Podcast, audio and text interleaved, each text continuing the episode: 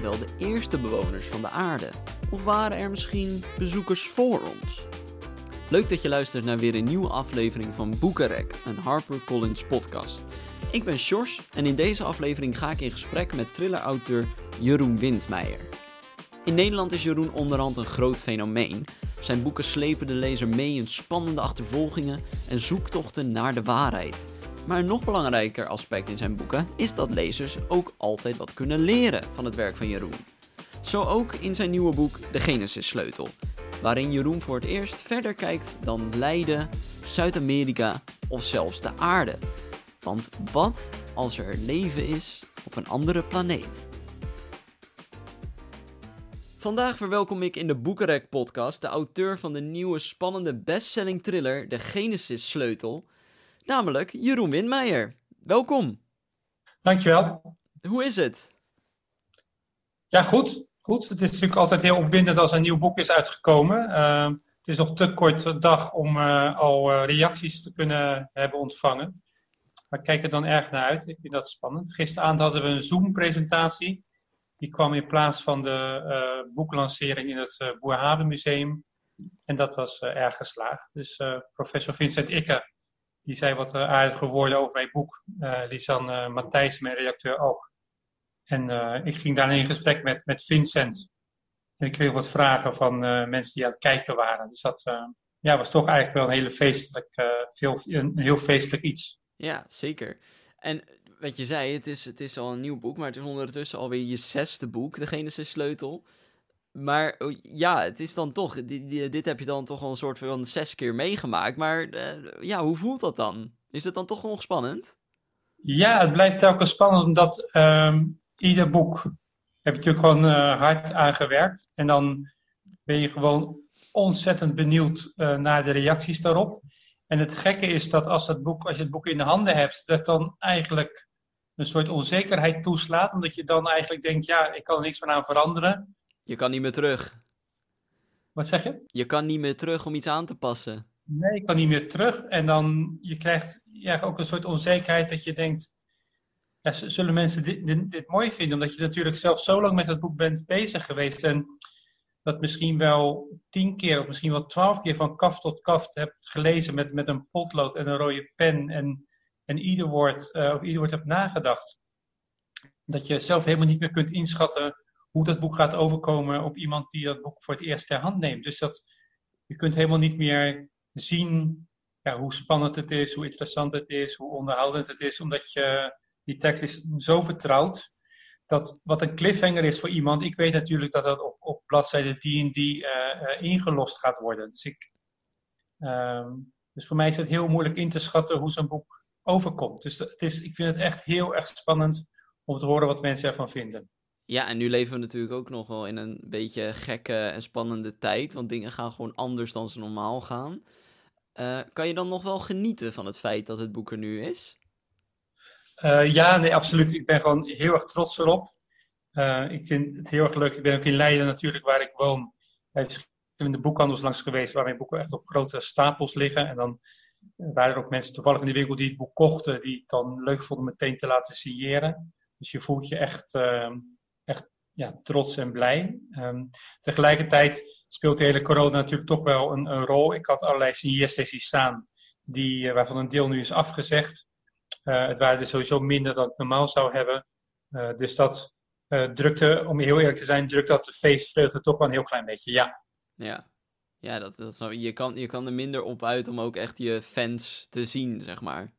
Ja, want ik, met mijn vorige boek, The Offers, ben ik denk bij zo'n 60 boekhandels langs geweest. Van, van, van Groningen tot, tot Middelburg, van, van Maastricht tot aan um, Castricum, zal ik maar zeggen. Ja. Dus dat vind ik dan heel erg leuk om uh, de boekhandel zelf te zien, de mensen die mijn boeken gaan verkopen, uh, met mensen te praten die speciaal voor mij naar de boekhandel zijn gekomen, maar ook natuurlijk genoeg mensen die uh, mijn werk nog niet kenden, maar dan toch een boek willen aanschaffen, om daarmee in gesprek te gaan. En dat is natuurlijk iets wat je ja, nu allemaal misloopt. Ja. De schrijverschap zelf is natuurlijk wel een beetje alleenig, dus dat zijn dan net de dingen die uh, je beroep dan nog een beetje sociaal maken, dat valt dan een beetje weg. Dus dat is, uh, dat is echt heel erg jammer. Maar ja, er is niets aan te doen. Nee. Nou ja, en uh, natuurlijk, je kan het gelukkig op andere manieren. Kunnen we het een beetje digitaal leuk maken. En mensen kunnen, kunnen het uh, jou op andere manieren laten weten. Maar even over het, over het boek zelf. Hoe was het om de Genesis sleutel te schrijven? Was dit een moeilijk boek voor je of een wat makkelijker boek? Um, ja, mijn, vrouw zegt altijd dat zodra het boek uh, klaar is, dat ik ben vergeten hoe ik ermee heb geworsteld. Zo zeggen. Met ieder boek is er altijd een moment dat ik, um, zeker in de fase van het herschrijven, dat ik uh, echt ermee worstel. Dat ik denk, ja, wat moet ik eruit halen? Is het spannend genoeg? ben ik niet te veel uitgebreid dit of dat aan het bespreken? Dus daar zit ik echt mee te, ja, mee te worstelen, ook samen met natuurlijk mijn, redacteur Lisanne Matthijssen.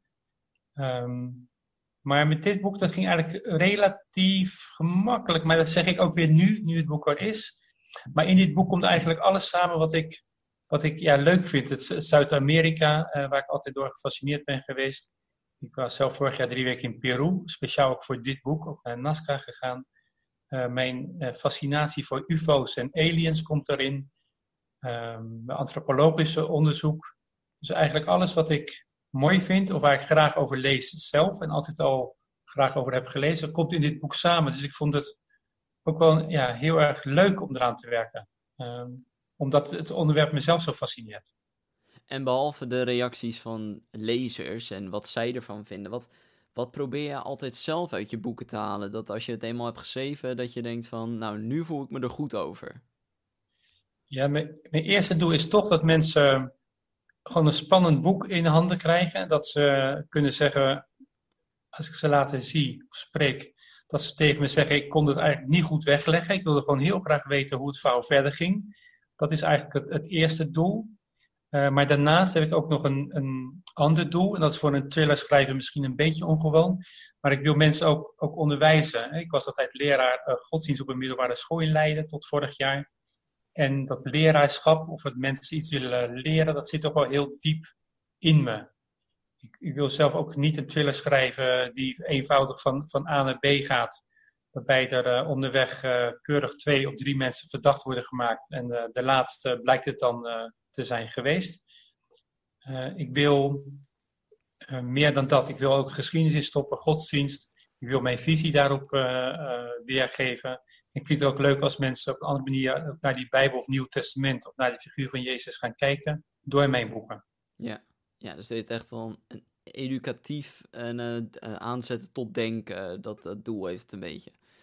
Ik vind het ook heel erg leuk als mensen mijn boek hebben gelezen en mij appen dat ze dan naar de bibliotheek zijn gegaan om een boek over ISIS te halen of een boek over Paulus of een boek over, uh, over het Nieuwe Testament, omdat ze denken van, goh, hoe zat dat ook alweer? Of dat ze getriggerd zijn om zich ook meer in dat onderwerp te gaan verdiepen. Dat vind ik altijd een heel mooi compliment. Dat ze denken van, is dit nou echt zo zoals hij het opschrijft? Of, uh, ja, precies. vragen aan Stip waar ze zelf ook uh, mee, mee hebben rondgelopen. Dat, dat, dat herkennen ze iets van die vragen en de antwoorden die ik daarop geef in mijn boeken. En dat inspireert mensen dan om zelf ook aan de studie te gaan. Dus dat vind ja. ik wel zelf ook heel erg leuk. Ja, en dit is het tweede deel in de zogenoemde Zuid-Amerika-trilogie van jou. Uh, maar het is niet per se een vervolg op de offers. Nee, eigenlijk zou je kunnen zeggen dat, dat de regio van Zuid-Amerika de verbindende factor is. Uh, wat een beetje een rol speelt in beide boeken en wat ook in mijn nieuwe boek een rol gaat spelen. Dat is ook het uh, respect voor de aarde, voor moeder natuur, voor moeder aarde. Dat is een beetje een rode draad dat er doorheen zit. Maar het zijn inderdaad andere hoofdpersonen. Um, je kunt ze inderdaad in volstrekt willekeurige volgorde lezen. Um, maar ik denk graag, op de een manier ben ik graag bezig met trilogieën. Uh, ik denk graag in drie. Uh, ik vind zo drie van die verhalen in het continent vond ik ook een mooi, uh, een mooi afgerond iets. Dat is gewoon een mooi geheel dat je gewoon een drie luik hebt in, uh, in een Ja, dit is een drie luik met Peter Daan en Judith Geref in, in Leiden. Ja. Um, en hierna misschien, dat zou zomaar kunnen dat er een trilogie over Delft aankomt, waar ik ben opgegroeid. Um... Ja, ja, precies. En zoals de titel al suggereert in de Genesis-sleutel, ga je toch terug naar het begin, maar niet per se alleen naar het begin van, als we kijken naar de Bijbel, als in Genesis hoe het in de Bijbel staat. Er, er, komt meer bij kijken. Er komt meer bij kijken, inderdaad. Er zijn um, Je hebt de zogenaamde Ancient Astronauts uh, theoretici. Dat zijn mensen zoals Erich von Däniken. Maar je hebt ook een heel populair programma, ik denk op Discovery, dat heet Ancient Astronauts. Uh, de theorie van deze mensen is dat de aarde ooit is bezocht door aliens, die de mensheid heeft onderwezen. Die heeft, uh, zij beloofd om op een dag terug te keren naar aarde. En ze hebben allerlei bouwwerken nagelaten, zoals de piramides en ook bouwwerken in Zuid-Amerika met stenen die, die zo groot zijn dat we ze in onze tijd met onze techniek uh, nog niet eens een centimeter zouden kunnen verplaatsen. in die tijd uh, zijn die over vele kilometers verplaatst en rechtop gezet en soms met de meeste vreemde hoeken op elkaar nauwkeurig in elkaar gepast. En dat zijn eigenlijk, um, daar heb ik eigenlijk op aangesloten, op die theorie. Ik dacht, laat ik daar nou eens naar gaan kijken. Ik vond het altijd al heel fascinerend om dat te zien. Ik dacht, als ik nou eens die bril opzet, uh, van stel dat de aarde ooit is bezocht door aliens en misschien nog, nog steeds wordt bezocht door aliens, hoe lang is dat vol te houden als je, als je met zo'n bril naar de wereld om je heen kijkt en als je met zo'n bril ook naar de Bijbel gaat kijken? En tot mijn verrassing kom je een heel eind. Ja, maar geloof je er dan ook in? Nee, het lijkt me niet, het lijkt me niet erg waarschijnlijk uh, dat het is gebeurd. Uh, Vincent, ik liet gisteren ook zien uh, hoe uh, bizar veel tijd er nodig is om, uh, om afstanden te overbruggen binnen ons zonnestelsel alleen al. En dan moet je zo ongeveer met de snelheid van het licht kunnen reizen. Dus ehm, of ze moeten, deze aliens moeten manieren hebben gevonden om via een soort gaten in de tijd deze kant op te komen. Maar dan wordt het allemaal zo, zo ingewikkeld. Dan wordt het heel science fiction. ja. Maar waar, waar, komt die fascinatie van jou dan vandaan? Met andere planeten? En, en uh, ja, is dat iets waar je altijd al mee bezig bent geweest? Ik heb me altijd wel afgevraagd, ik denk dat veel mensen zich dat afvragen, zijn wij alleen in dat onmetelijke universum, dat elke dag ja, uitdijt en groter wordt? Dan denk je altijd, ja, waar, waarin duidt, dijt het dan uit? Hè? Dan moet er toch nog iets ruimte zijn waarin het, waarin het kan uitdijen. Maar het kan natuurlijk klein dat alleen op dat kleine stofje dat de aarde is, uh, dat alleen daar leven is. Dus ik, ik, heb daar natuurlijk, zoals iedereen denk ik wel eens over gefantaseerd, of er niet elders ook intelligent leven eh, is. Dus ik ben altijd ook gefascineerd geweest door, vragen, door uh, series als de X-Files. En ik kijk ook heel graag op YouTube filmpjes naar, uh, die ook door de NASA online zijn gezet of door straaljagerpiloten die ontmoetingen hebben met vliegende objecten die zich niet lijken te houden aan onze uh, fysieke wetten, die uh, veel sneller bewegen dan mogelijk is, plotseling stilstaan in de lucht, die verdwijnen, maar die wel op de radar te zien zijn. Het zijn wel fysieke objecten. En ze hebben daar gewoon geen verklaring voor wat ze daar, wat ze daar zien. Maar je haalt net al de X-Files aan. Is het dan ook dat je vroeger uh, ook als er nieuws kwam bijvoorbeeld over Area 51 of over uh, UFO-sightings in Roswell of graancirkels, dat dat jouw interesse wekte? Absoluut. Ik, en ik lees daar heel veel over. Ik heb thuis een, één, misschien wel twee planken vol uh, UFO-boeken staan. Ik vind het heerlijk om over te lezen, ook over dat Area 51, zo'n ge gebied in de Verenigde Staten, waar naar verluid neergestorte UFO's zouden liggen. Die ze proberen het, ja, met reverse engineering proberen om die techniek toe te passen in, uh, in hedendaagse uh, vliegtuigen. Uh, ik geloof niet dat dat waar is, maar het is voor mij een soort moderne mythologie. Het lijkt ook in heel veel opzichten op een re religie. Hè. We kunnen niet bewijzen dat ze, dat ze er niet zijn. We kunnen niet bewijzen dat ze er zijn. Ehm, het lijkt ook een soort een geloof bijna. Dus ja. dat vind ik interessant. Ook met de eigen ja, mythologie daaromheen. Dus dat, dat vind ik gewoon heel erg boeiend om naar te kijken. Maar dat was natuurlijk in X-Files was dan natuurlijk ook de zin, hè? I want to believe. I want to believe, ja. Ja, en de, de, de, de truth is out there. Dat is, ik vind het toch wel heel erg, ja, gewoon uh, leuk. Leuk om me daarmee bezig te houden. En wat ik zei, als je naar de Bijbel kijkt, dan kom je toch wel raadselachtige zinnen tegen. Waarin in Genesis ook gewoon staat dat er dat de uh, zonen uit de hemel uh, hun oog lieten vallen op, uh, op aardse vrouwen, daar kinderen mee kregen en dat werden een soort reuzen. En dat zijn van die raadselachtige passages die, die je gewoon op geen enkele manier uit kunt leggen. Maar als je dan zo'n zo'n UFO-bril opzet, als het ware, dan krijgt dat opeens wel een betekenisvol kader. Ja. dus dat vind ik interessant. Ja. En is het nou dat in de, in de zoektocht naar, eh, om, dit verhaal te maken, de Genesis sleutel, en in de zoektocht naar al deze onderwerpen, uh, heeft het ook jouw beeld van ons universum of van onze gedachtegang als mens veranderd? Nou, ik sluit het niet uit. Nee, want ik denk dat dat is al sowieso onwetenschappelijk om dat bij voorbaat uh, uit te sluiten. Om iets uit te sluiten wat je gewoon niet hebt gezien. Of wat je zelf denkt dat dat onmogelijk is. Ik heb wel inmiddels zoveel uh, beelden gezien. Ook bijvoorbeeld van dat ISS-station dat om de aarde uh, zo rondjes draait. Die hebben ook opnames op, op YouTube gezet. Dat is, ja, da daar valt echt je mond van open. Daar komen gewoon echt, komen gewoon echt een fysiek object aan dat gewoon met een gekke bocht wegvliegt. Dus een volkomen onnatuurlijk gedrag vertoont. En je hoort dat die astronauten tegen elkaar zeggen van... Uh, wat was dat? Wat hebben we gezien? Kom eens kijken. Of dat er duidelijk een schaduw te zien is. Um, dus het is een fysiek object dat, dat, voorbij komt. En die astronauten zelf verbazen zich erover. En ik denk, ja, dat is toch, dat is toch echt, heel maf. Dat is gewoon niet te verklaren. Je kunt dan niet zomaar zeggen, ja, dat, dat hebben ze zich maar ingebeeld. Of dat, uh, weet je, je kunt gewoon zien dat het een fysiek iets is. Ook op radarbeelden kun je dan bijvoorbeeld zien dat er echt een object uh, beweegt met een, met een bizar hoge snelheid. En dat dat object opeens stilstaat in de lucht. Terwijl die net met uh, 1000 of 2000 km per uur voortbewogen heeft. Dus dat, dat zijn dingen die gewoon niet kunnen, maar die ze wel zien dat dat gebeurt. Ja, nou wat je dus ziet is dat uh, dat het gewoon uh, fysieke objecten zijn die ook op de radar te zien zijn. Ja. En en op de radar kunnen ze zien dat een object zich bij wijze van spreken met 2000 km per uur voortbeweegt. Uh, en dan in één klap stilstaat en dan weer schuin naar boven gaat en naar beneden gaat en daar weer stilstaat. En dat, dat, dat kunnen dingen die wij maken, kunnen dat niet. Nee. Denk je dat er, dat er de komende, komende jaren dat we daar uh, dat er ooit hier een soort van duidelijkheid over gaat komen, denk je? Ik weet niet, het is al zo lang is het al een, een raadsel. En je, wat je natuurlijk nu wel eens afvraagt. Vroeger waren die beelden van UFO's die mensen maakten waren altijd heel vaag. Want moest, iemand moest een camera pakken en die moest een foto maken. Moest men de camera bij hebben. Maar nu zijn natuurlijk zoveel mensen die een telefoontje op zak hebben. En die dat kunnen filmen of, uh, of fotograferen. Dus ik denk, ik denk dat er op een gegeven moment wel wel betere beelden naar voren gaan komen. Dus wat ik zeg, ik geloof niet dat die aliens ons zoveel miljoen jaar geleden hebben bezocht en dat ze bijvoorbeeld hier het leven op aarde zijn begonnen.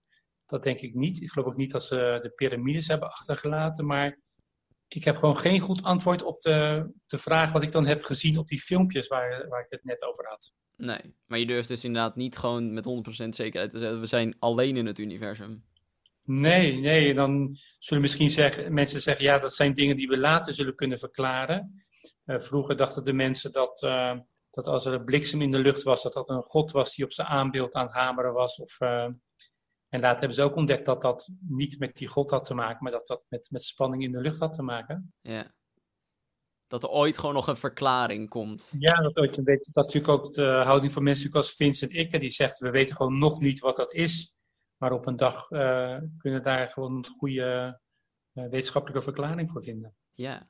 Nou ja, tot die tijd blijft het een, een, een mooi mysterie waar ook een, een mooie boek over geschreven kunnen worden. Zo zien we maar weer uh, met de Genesis sleutel. En voor jou, er staan veel boeken de komende jaren gepland. Heb jij nou nog steeds ergens in je hoofd een idee waar je misschien al een paar jaar mee loopt dat je denkt van, nou, ik hoop dat dit ooit een boek wordt? Nou, wat mij heel erg leuk lijkt, is een, uh, een, een, boek in, in de tijd van Jezus over Jezus. En dan uh, misschien vanuit Jezus bezien, of vanuit een van zijn leerlingen. Misschien ook wel een beetje thrillerachtig iets. Omdat ik denk dat het verhaal zoals het in het Nieuwe Testament terecht is gekomen, dat dat afwijkt van wat er echt is gebeurd.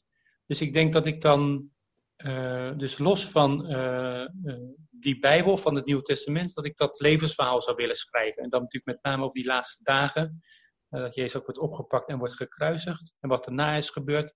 Dat lijkt me heel erg interessant dat okay. nog eens te doen. Oké. Okay. Uh, ja, ik heb misschien ook wel zitten denken, ik heb natuurlijk iets van zes, zeven jaar lang ben ik imker geweest. En uh, het lijkt me ook interessant om op zo'n volkstuinencomplex of rond die imkers, die bijenhouders, om daar ook nog misschien eens een thriller uh, te, te, situeren. Waarbij dan eventueel bijen uh, zouden kunnen worden ingezet als moordwapen. Want Ah ja. waar je genoeg bijsteken krijgt, zijn ze vanzelf dodelijk. Dus dat zou misschien nog een interessant idee zijn. Er eh, zijn dus nog veel dingen zitten in de pijpleiding en er komen nog eh, genoeg eh, boeken van Jeroen Windmeijer aan. Ik, ik wil iedereen aansporen om gewoon nu eerst de Genesis sleutel te gaan lezen, want het is een onwijs spannend boek weer van Jeroen en ja, we moeten het gewoon allemaal lezen en dan wachten we de komende jaren gewoon af tot wat er nog meer gaat komen.